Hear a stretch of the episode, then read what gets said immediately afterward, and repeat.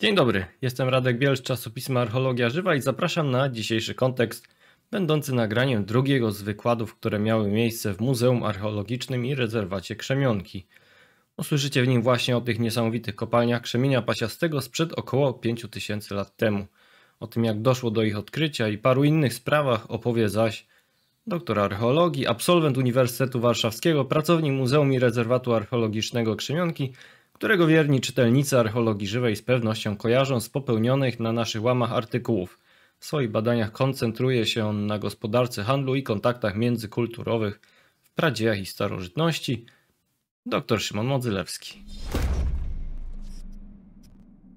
Dzień dobry Państwu. Po dwóch wykładach dotyczących szeroko pojętej epoki metali przeniesiemy się w czasy epoki kamienia, kiedy to do wykonywania narzędzi, broni, przedmiot, wielu przedmiotów codziennego użytku ludziom służyły nie metale i stopy, ale przede wszystkim skały i minerały o określonych właściwościach. Skały i minerały charakteryzujące się przede wszystkim dużą twardością porównywaną z kwarcem, no i łupliwością, która pozwalała wykonywać z nich, kształtować rozmaite rodzaje narzędzi. Ludzie wydobywają te skały już od bardzo, bardzo odległych pradziejów. Już w dolnym paleolicie wykorzystywano powierzchniowe, dostępne na powierzchni złoża, krzemienia i innych skał zawierających kwarc.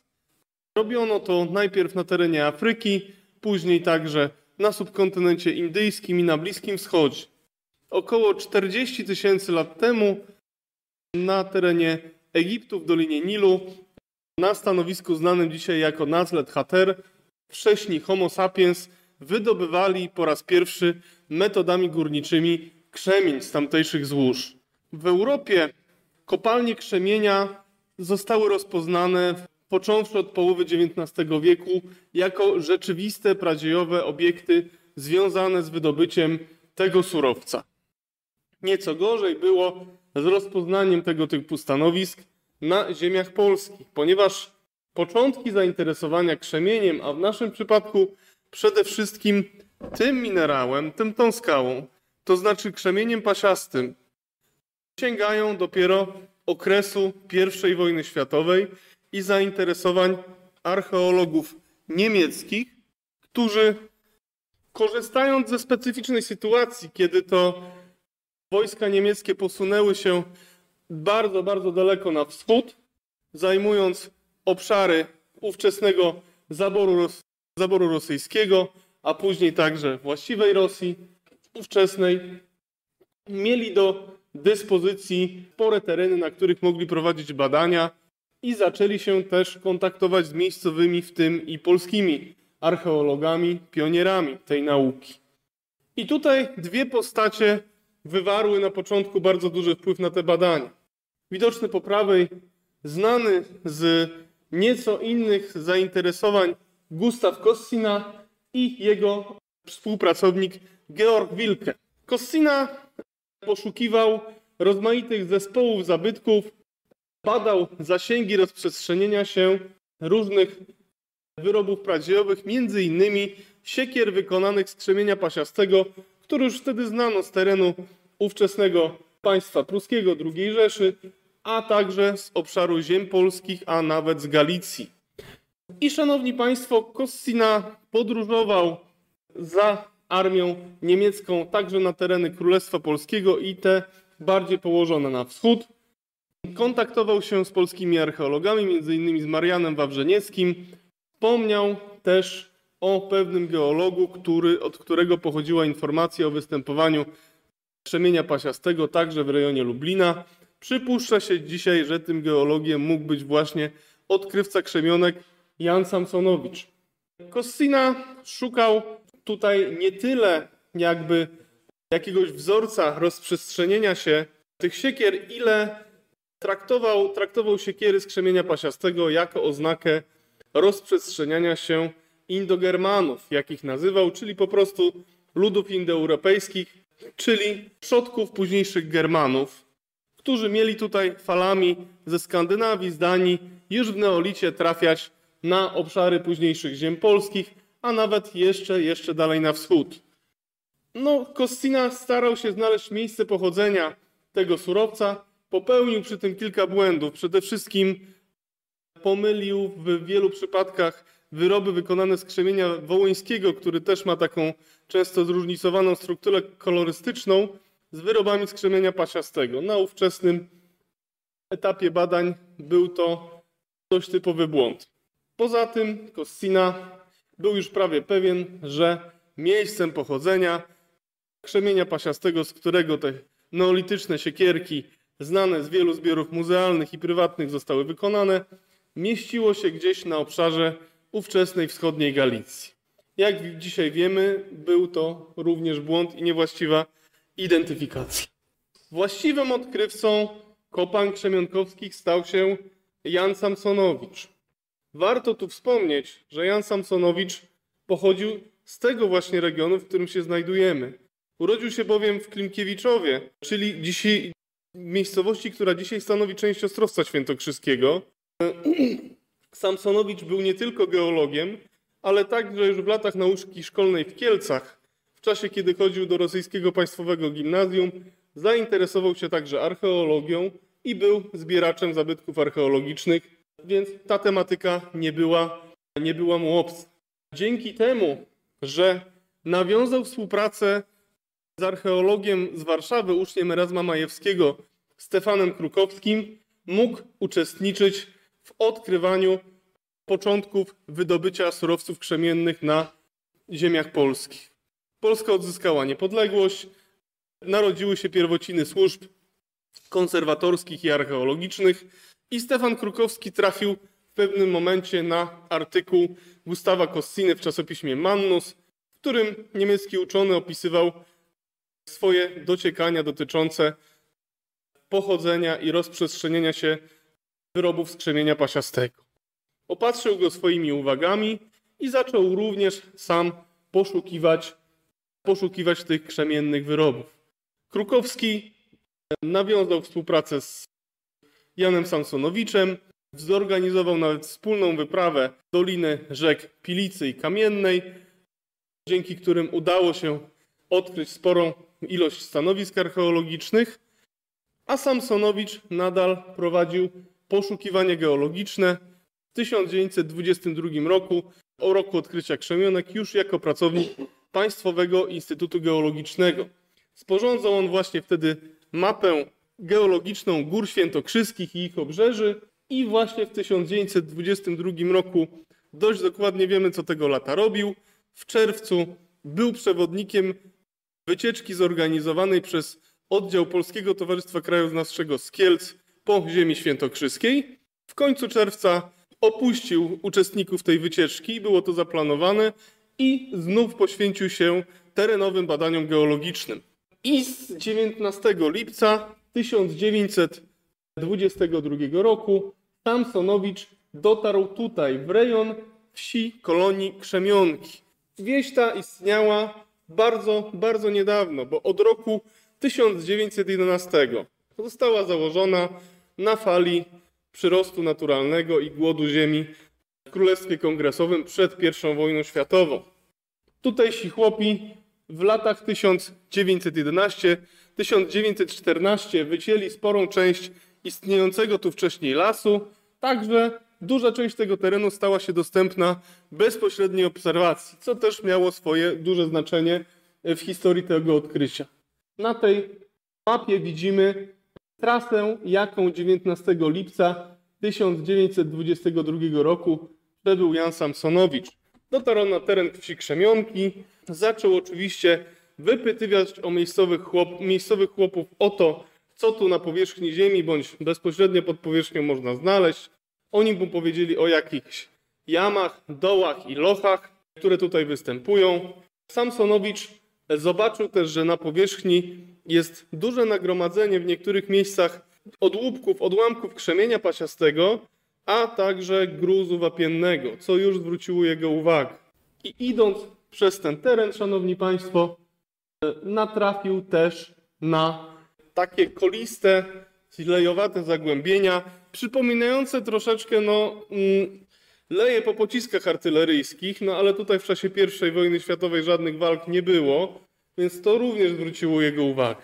I w kilku miejscach Janowi Samsonowiczowi udało się dotrzeć do wyrobisk poszerzonych przez miejscowych rolników, którzy tutaj wydobywali wapień w celu wyrabiania wapna palonego i gaszonego.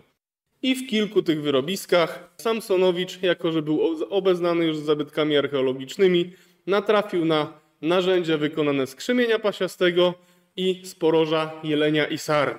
Zawiadomił o swoim odkryciu Stefana Krukowskiego, który przyjechał tutaj w roku 1923, ponieważ wtedy, kiedy odkrycie kopalń krzemionkowskich zostało dokonane przez Samsonowicza, który już stwierdził, że ma do czynienia z obiektami pradziejowymi, prawdopodobnie służącymi wydobyciu surowców mineralnych. Krukowski przebywał w Grudku na Wołyniu, gdzie jego kolejni współpracownicy Ludwik i Irena Sawiccy prowadzili badania stanowisk paleolitycznych i neolitycznych. Tak wyglądała w latach dwudziestych wieś Krzemionki. Widać właśnie te rabunkowe łomy wapienia i pozostałości wyrobisk pradziejowych kopalń. Krukowski w 1923 przyjechał tutaj ze swoim asystentem Zygmuntem Schmidtem i przeprowadził pierwsze badania. Były to badania powierzchniowe. Z powierzchni zebrano wtedy sporą ilość narzędzi krzemiennych i obydwaj specjaliści dokonali tutaj opisu tego całego terenu. Skrukowski, chcąc nie chcąc, zaczął go badać. Mówię chcąc nie chcąc, dlatego że główną naukową pasją Krukowskiego był przede wszystkim paleolit niżu polskiego. Neolit niezbyt go interesował, ale w ramach swoich obowiązków w gronie konserwatorów zabytków prehistorycznych podjął się badań na tym stanowisku i prowadził je w latach 20. i 30. Owocem tych badań była wydana w roku 1939 monografia stanowiska pierwsza, czyli książka Krzemionki Opatowskie. Teraz kilka słów o nazwie, ponieważ dzisiaj przyjmujemy tutaj wersję nazwy Krzemionki. Krzemionki, wieś, o której mówiłem, leżała na terenie ówczesnego powiatu opatowskiego. I po to, żeby odróżnić stanowisko od tej wsi, kolonii, która tu leżała, wprowadził z Krukowki nazwę Krzemionki Opatowskie, która no do dzisiaj utrzymuje się w literaturze naukowej przedmiotu. W 1925 pierwsze wykopaliska archeologiczne na terenie kilku szybów z penetracją kilku wyrobisk podziemnych przeprowadził Józef Żurowski i jego asystent Zygmunt Schmidt, który już wcześniej współpracował ze Stefanem Krukowskim. Udało się wtedy kilka szybów zabezpieczyć i pozyskać sporą ilość materiału zabytkowego. Od tego czasu badania w krzemionkach są prowadzone przez polskich archeologów z większymi, mniejszymi przerwami do dnia dzisiejszego. Najpierw e, robili to oczywiście e, naukowcy z grona konserwatorów zabytków przedhistorycznych, później pracownicy Państwowego Muzeum Archeologicznego, pod którego opieką powstał tutaj rezerwat archeologiczny jeszcze przed II wojną światową. Później w 1953 ten teren przeszedł pod opiekę Wojewódzkiego Konserwatora Zabytków w Kielcach i prowadzili tu badania naukowcy z Państwowego Muzeum Archeologicznego. Jeszcze w latach powojennych, w latach 80. i 90. prowadził tu badania zespół do spraw rozpoznania e, górnictwa krzemiennego neolitycznego z PMA i później już badania przejęli także e, naukowcy z Muzeum Historyczno-Archeologicznego w Ostrowcu Świętokrzyskim. Bardzo duży zasób wiedzy na temat pracy i życia górników neolitycznych i z wczesnej epoki brązu udało się dzięki tym badaniom zgromadzić. Dość powiedzieć, że jeszcze przed II wojną światową, w latach dwudziestych, Stefan Krukowski odkrył w nieistniejących już dzisiaj komorach kopalń neolitycznych takie właśnie rysunki. Zostały one zreprodukowane na fotografiach wykonanych przez znanego fotografa z Ostrowca Świętokrzyskiego, pana Tadeusza Rekwirowicza. Są to rysunki wykonane węglem drzewnym na filarach, na ścianach kopalń.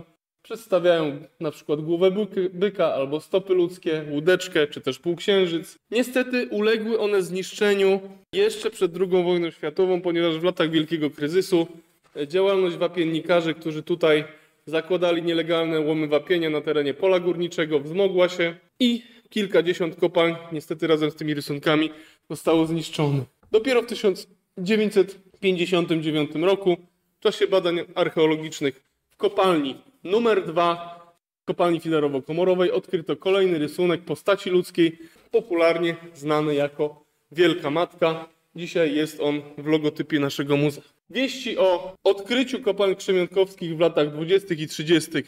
dostały się do prasy. Co ciekawe, do prasy lokalnej dość późno, bo zidentyfikowany przeze mnie artykuł z Gazety Kieleckiej, który tutaj Państwu pokazuję na slajdzie, pochodzi dopiero z roku 1935. No i ciekawostka, Stefan Krukowski jest tu mylnie nazwany inżynierem. Sam surowiec, który tutaj był wydobywany, krzemień pasiasty, powstał około 154-159 milionów lat temu w płytkim, ciepłym morzu górno-jurajskim. Dzisiaj występuje on w środkowym i dolnym biegu rzeki Kamiennej pomiędzy Siennem a Ożarowem, a sama, same kopalnie krzemionkowskie leżą na terenie Niecki Geologicznej Magoń-Folwarczysko, dlatego że tutaj po prostu jesteśmy na początku wyżyn polskich i te skały starsze od Pleistocenu bo utwory pleistoceńskie na nizinach pokrywają dość grubą warstwą obszar naszego kraju, wychodzą powolutku na powierzchnię. Tu są one dość płytko pod powierzchnią, dzięki czemu już w pradziejach zawarte w nich zasoby człowiek mógł eksploatować. Tak wygląda pole górnicze. 78 hektarów pradziejowych kopalń działających tutaj w okresie mniej więcej 3900-1600 przed naszą erą. Jest ich około 4000 na tym zaznaczonym tutaj obszarze. Tak wygląda krajobraz pola górniczego. Zachowane, zachowały się tu zarówno elementy naziemnego krajobrazu w postaci właśnie hałd, czyli tak zwanych warpi, a także szybów kopalnianych, ale nie tylko. Zachowały się przede wszystkim elementy podziemnych wyrobisk. Oczywiście nie są to najstarsze podziemne wyrobiska na terenie Europy czy też świata, natomiast należą do najbardziej rozwiniętych pod względem technologicznym i największych. Niektóre wyrobiska miały, takie jak tu zrekonstruowane budynki, nad, nad szybiem kopalni, czyli jej górną częścią, tak zwane klety. Na terenie pola górniczego są kopalnie różnego rodzaju. W skrócie można powiedzieć, że po jego zewnętrznej stronie są to kopalnie najpłytsze, po wewnętrznej najgłębsze. Udało się też odkryć w wyrobiskach pozostałości narzędzi używanych przez pradziejowych górników, narzędzi wykonanych z naturalnych surowców.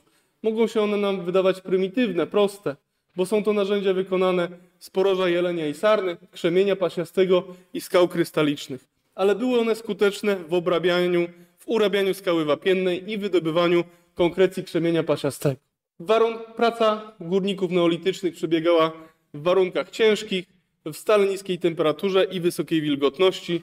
Byli oni narażeni na choroby degeneracyjne i reumatyczne.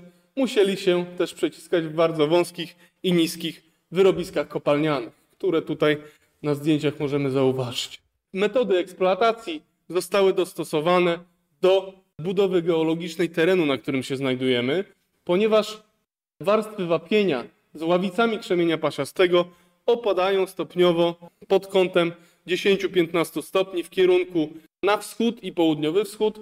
Dlatego też właśnie te najpłytsze kopalnie są po stronie zachodniej, najgłębsze po wschodniej stronie pola górniczego i tam, gdzie trzeba było drążyć najgłębiej, wydrążono kopalnie najbardziej rozwinięte pod względem technicznym, czyli komorowe i filarowo-komorowe. Komory podziemne mogły mieć nawet kilkaset metrów kwadratowych powierzchni. Zapewniały one wydobycie jak największej ilości krzemieni. Praca górników, mimo że ciężka i niebezpieczna, umożliwiała też gromadzenie wiedzy, wiedzy geologicznej, wiedzy o tym terenie, na którym oni pracowali i wiedzy o złożach krzemieni. Rozpoczęli tutaj eksploatację ludzie związani z kulturą pucharów lejkowatych na początku czwartego tysiąclecia przed naszą erą. Oni są oczywiście znani też z budowania większych osad niż aniżeli w poprzednich okresach neolitu, z użytkowania pierwszych pojazdów kołowych na obszarze ziem polskich i Europy, ale najlepszy okres Dla kopalń krzemionkowskich to jest pierwsza połowa trzeciego tysiąclecia przed naszą erą, kiedy to ludność kultury amfor kulistych wydrążyła tu właśnie te najgłębsze i najbardziej rozwinięte pod względem technologicznym kopalnie. To właśnie z tego czasu pochodzi spora część znajdowanych na ziemiach Polski i na przyległych ziemiach, u naszych sąsiadów wschodnich, zachodnich i południowych, siekier z krzemienia pasiastego szlifowanych. W czasach kultury amfor kulistych zasięg dystrybucji wyrobów krzemiennych z, z krzemienia pasiastego wydobytego w krzemionkach był w promieniu około 660 km od tego miejsca, a więc tak jak widać na tej mapie obejmował sporą część środkowej Europy. I wiadomo z badań traseologicznych, że część tych siekier nie była w ogóle używana ani jako narzędzie, ani jako broń. Była raczej przedmiotem prestiżowym, używanym w rozmaitych obrzędach i ceremoniach. Później przez krótki czas e, działali na terenie kopalń ludzie związani z kulturą pucharów dzwonowatych, ale oni tutaj nie drążyli żadnych wyrobisk, tylko przeszukiwali hałdy w poszukiwaniu materiału, z którego wyrabiali na przykład takie grociki przemienne. I ostatni okres użytkowania tych kopalń to jest wczesna epoka brązu. 2200-1600 lat przed Chrystusem, kiedy to ludność kultury mierzanowickiej wydrożyła tu najmłodsze kopalnie, a także przeszukiwała po swoich poprzednikach hałdy i wyrobiska. Jej osady znajdowały się na Wyżynie Sandomierskiej, dlatego musieli tutaj w tą część Doliny Kamiennej przybywać, żeby tej eksploatacji dokonywać. I w ich czasach te siekiery rozchodziły się już tylko w promieniu 60-80 km od kopalń. Tutaj jeszcze rzut oka na rysunek tak zwanej Wielkiej Matki i krzemionki oraz sąsiednie pola górnicze położone w tutejszej nietce geologicznej. Szanowni Państwo, wiemy sporo o krzemionkach, ale są, są rzeczy, których na temat tych kopalń nie wiemy i które będą prawdopodobnie przedmiotem badań następnych pokoleń archeologów. Rzeczywisty zasięg rozmaitych rodzajów kopalń na terenie pola górniczego nie jest rozpoznany, a te modele eksploatacji, które przedstawiono, są mocno hipotetyczne. Nie wiadomo, gdzie zaczęto tą eksploatację i nie wiadomo, gdzie ostatni szyb się znajduje. Nie ma pewności w ogóle, ile jest tych szybów. Wiadomo, że około 4000, ale cały czas istnieje możliwość, że zostaną odkryte nowe. Nie wiadomo też, jaki jest stan podziemnych wyrobisk na terenie znacznej części pola górniczego, bo przecież większość jego powierzchni nie została poddana systematycznym badaniom archeologicznym. Wiele też pytań rodzi sposób pracy pradziejowych górników. Archeolodzy chcą również wiedzieć, czy w czasie obróbki krzemienia stosowano na przykład technikę ogrzewania i czy są jakieś bardziej substancjalne niż do tej pory odkryte ślady obozowisk górników na polu górniczym. Oczywiście najwięcej pytań rodzi dystrybucja i handel, wymiana wyrobów z krzemienia pasiastego, co zdanie wymieniano, jakie, jak wyglądały systemy tej wymiany, jak wyglądał w ogóle gospodarczy obraz tej epoki, w której krzemionki działały. Są to oczywiście tematy dalszych badań. I szanowni Państwo, znaczenie odkrycia kopalń krzemionkowskich jest ogromne, dlatego że mimo, że tak jak już mówiłem, te kopalnie krzemienia są znane z y, czasów wcześniejszych, z innych miejsc Europy. Także są kopalnie późniejsze od krzemionek. To jednak krzemionki są jedyne w swoim rodzaju na tle światowym i europejskim. Dlatego, że jest to największy tego typu obszar, na którym odkryto tak wielką ilość dobrze zachowanych prawdziwych kopalń krzemienia na obszarze 78 hektarów. A więc niebagatelnym. Jest to największy tego typu zespół w Europie. Najbardziej rozwinięte pod względem technicznym wyrobiska podziemne, mimo iż wyrobiska podziemne kopalń neolitycznych są znane także z innych części Europy. Poza tym badania prowadzone tu przez polskich archeologów, porównania czynione z innymi kopalniami pradziejowymi, innymi kopalniami krzemienia, pozwoliły zgromadzić dużo, dużą, dużą, e, duży zasób wiedzy na temat prehistorycznego górnictwa. I dlatego właśnie krzemionki stały się swego rodzaju mekką archeologów, nie tylko polskich. Jest to miejsce, które, w którym można to te metody, metody działań prawdziwych górników i krzemieniarzy badać i porównywać je z tym, co mamy na innych obszarach. I dlatego właśnie na przykład zostały one włączone do świętokrzyskiego szlaku archeologicznego ze względu na ich świetne walory poznawcze. Ze względu na to, że można poznawać tutaj nie tylko pradzieje ziem polskich, ale także geologię naszego kraju. I to wszystko stało się przesłanką, dla których powstał tu nasz ośrodek, nasze muzeum i dla których krzemionki zostały wpisane na listę Światowego Dziedzictwa UNESCO w roku 2019. Dziękuję Państwu bardzo za uwagę. Drodzy widzowie, jak pewnie się domyślacie, to jest koniec części wykładowej. Padło wówczas y, w trakcie, zaraz po wykładzie, parę pytań zarówno od publiczności będącej z nami na żywo w Krzemionkach, ale i również parę pytań pojawiło się w komentarzach pod transmisją na żywo na Facebooku. Zostały one oczywiście zadane, na ile tylko nam pozwolił czas. Jeśli to było dla Was za mało, no to polecam wcześniejsze spotkanie, w którym uczestniczył również pan dr Szymon Modzelewski razem ze swoim kolegą z Krzymionek, również pracownikiem Krzymionek, Arturem Jedynakiem. No tam poszaleli. Chyba godzina 45 trwa całe spotkanie. I tam e, więcej właśnie jest o samym stanowisku, o tym jak wygląda, jak, e, co zrobiono w trakcie remontów najnowszych i tak dalej. Polecam gdzieś tam, jak teraz, o, tam powinien się pojawić link zaraz, a może i w opisie wrzucę. Na pewno na naszym kanale YouTube, jak wpiszecie krzemionki, to od razu powinno wyskoczyć. A teraz do pytań. Pani Grażyna, która jako pierwsza w ogóle zalogowała się do tej, do tej transmisji, wówczas zapytała się, czym. Pytanie chyba nawet padło w poprzednim spotkaniu, ale postanowiłem, że możemy je równie dobrze powtórzyć. Czym oświetlano wyrobiska i te korytarze, w których górnicy pozyskiwali krzemień? Wyrobiska oświetlano za pomocą łuczyw, czyli takich fragmentów żywicznego drewna, najczęściej sosnowego, które zapalano i po prostu w tych wyrobiskach one się paliły, bądź się górnicy trzymali w rękach, bądź się paliły gdzieś obok i dawały światło, a jeszcze miały jedną rolę, że wspomagały wentylację, wymuszając obieg powietrza w wyrobiskach. I pozostałości takich łuczyw również zostały odkryte przez archeologów. No i słysząc właśnie to z publiczności od pani Ewy padło Pytanie, czy to łuczywo mogło być wykorzystywane do tworzenia wspom wspominanych graffiti i rysunków naskalnych? Bardzo prawdopodobne, ponieważ na ścianach, na ociosach tak zwanych kopalń neolitycznych mamy takie czarne ślady od obcierania tego łuczywa po to, żeby się lepiej paliło, kiedy ono się zwęglało, prawda? Trzeba było ten nadmiar węgla usunąć. No i końcówka łuczywa była takim naturalnym pisakiem, na którym można było tego typu rysunki, jak tu pokazałem, wykonać.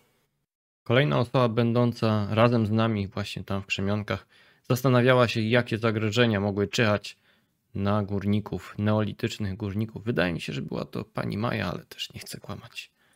Nie, nie są to kopalnie metanowe.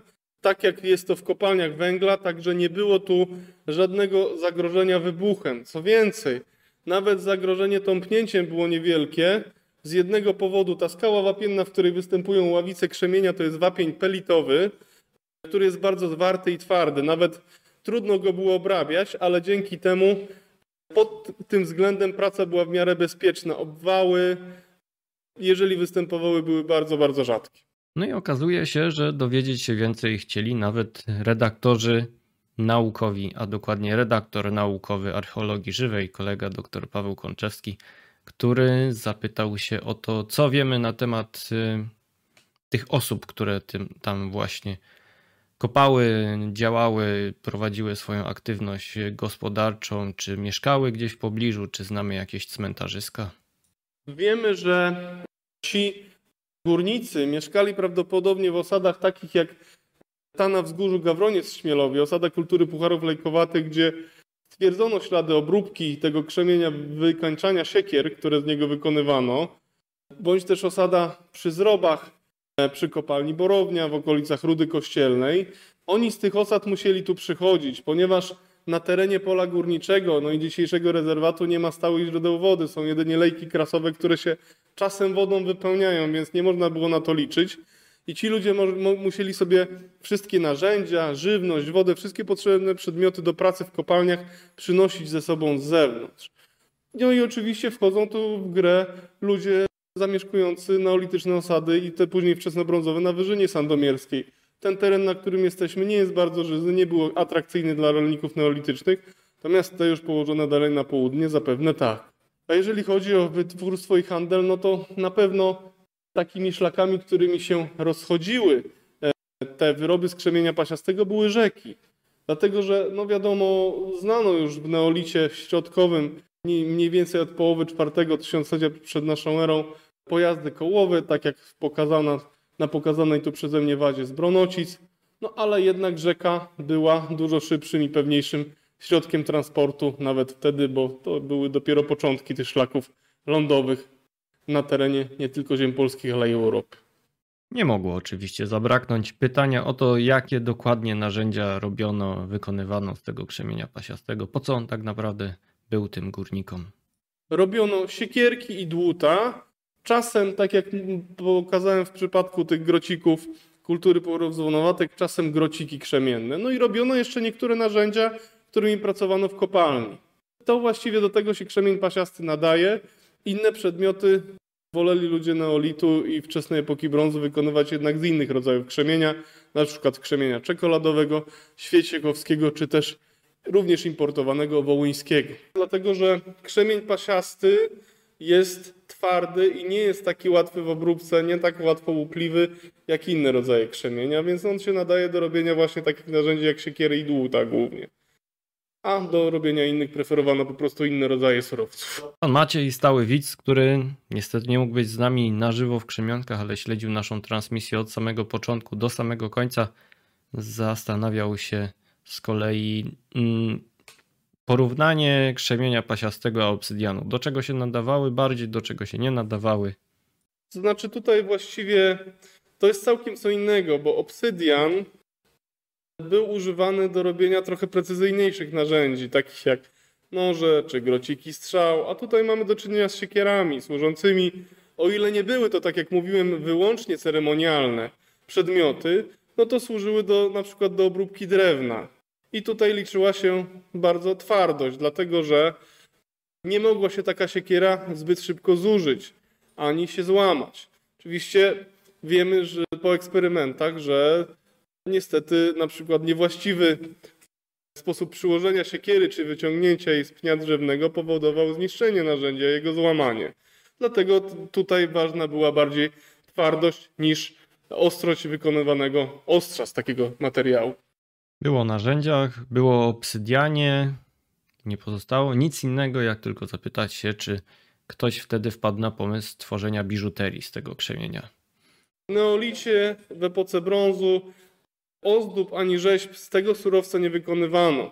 To, co dzisiaj mamy na rynku, to jest efekt y, działalności złotników z Sandomierza w latach 70. XX wieku, którzy zaczęli lansować modę na biżuterię z krzemienia pasiastego. Potem dołączyli współcześni nasi rzeźbiarze, którzy zaczęli po prostu rzeźby z tego wytwarzać. Dostrzegli w tym surowiec artystyczny.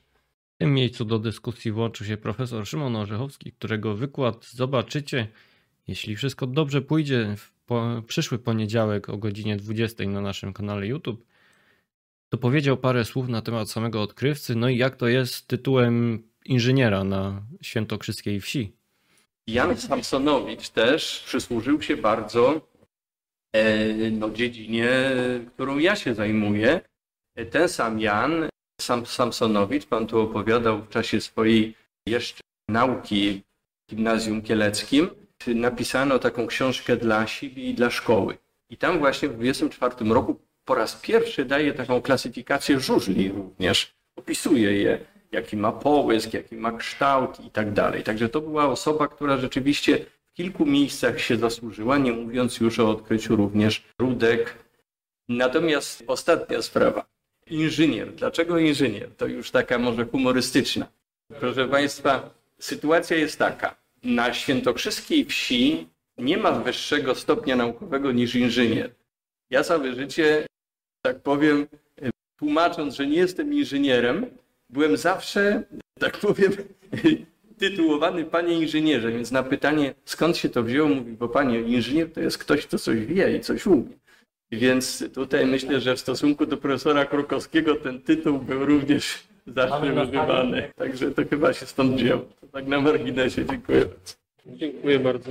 Dziękuję bardzo. No i tym humorystycznym akcentem zakończyliśmy całe spotkanie. Jeszcze tam oczywiście tradycyjna gadka na pożegnanie. Podziękowania dla wszystkich były. Wiecie jak to jest. Tak właśnie obiecałem w poprzednim spotkaniu, że pokażę do kamery. Jakbyście nie widzieli, nie wiedzieli czym jest to, co jest obok mojej twarzy, no to proszę, takie ładne plakietki. Wszyscy uczestnicy smażu dostali tegorocznego.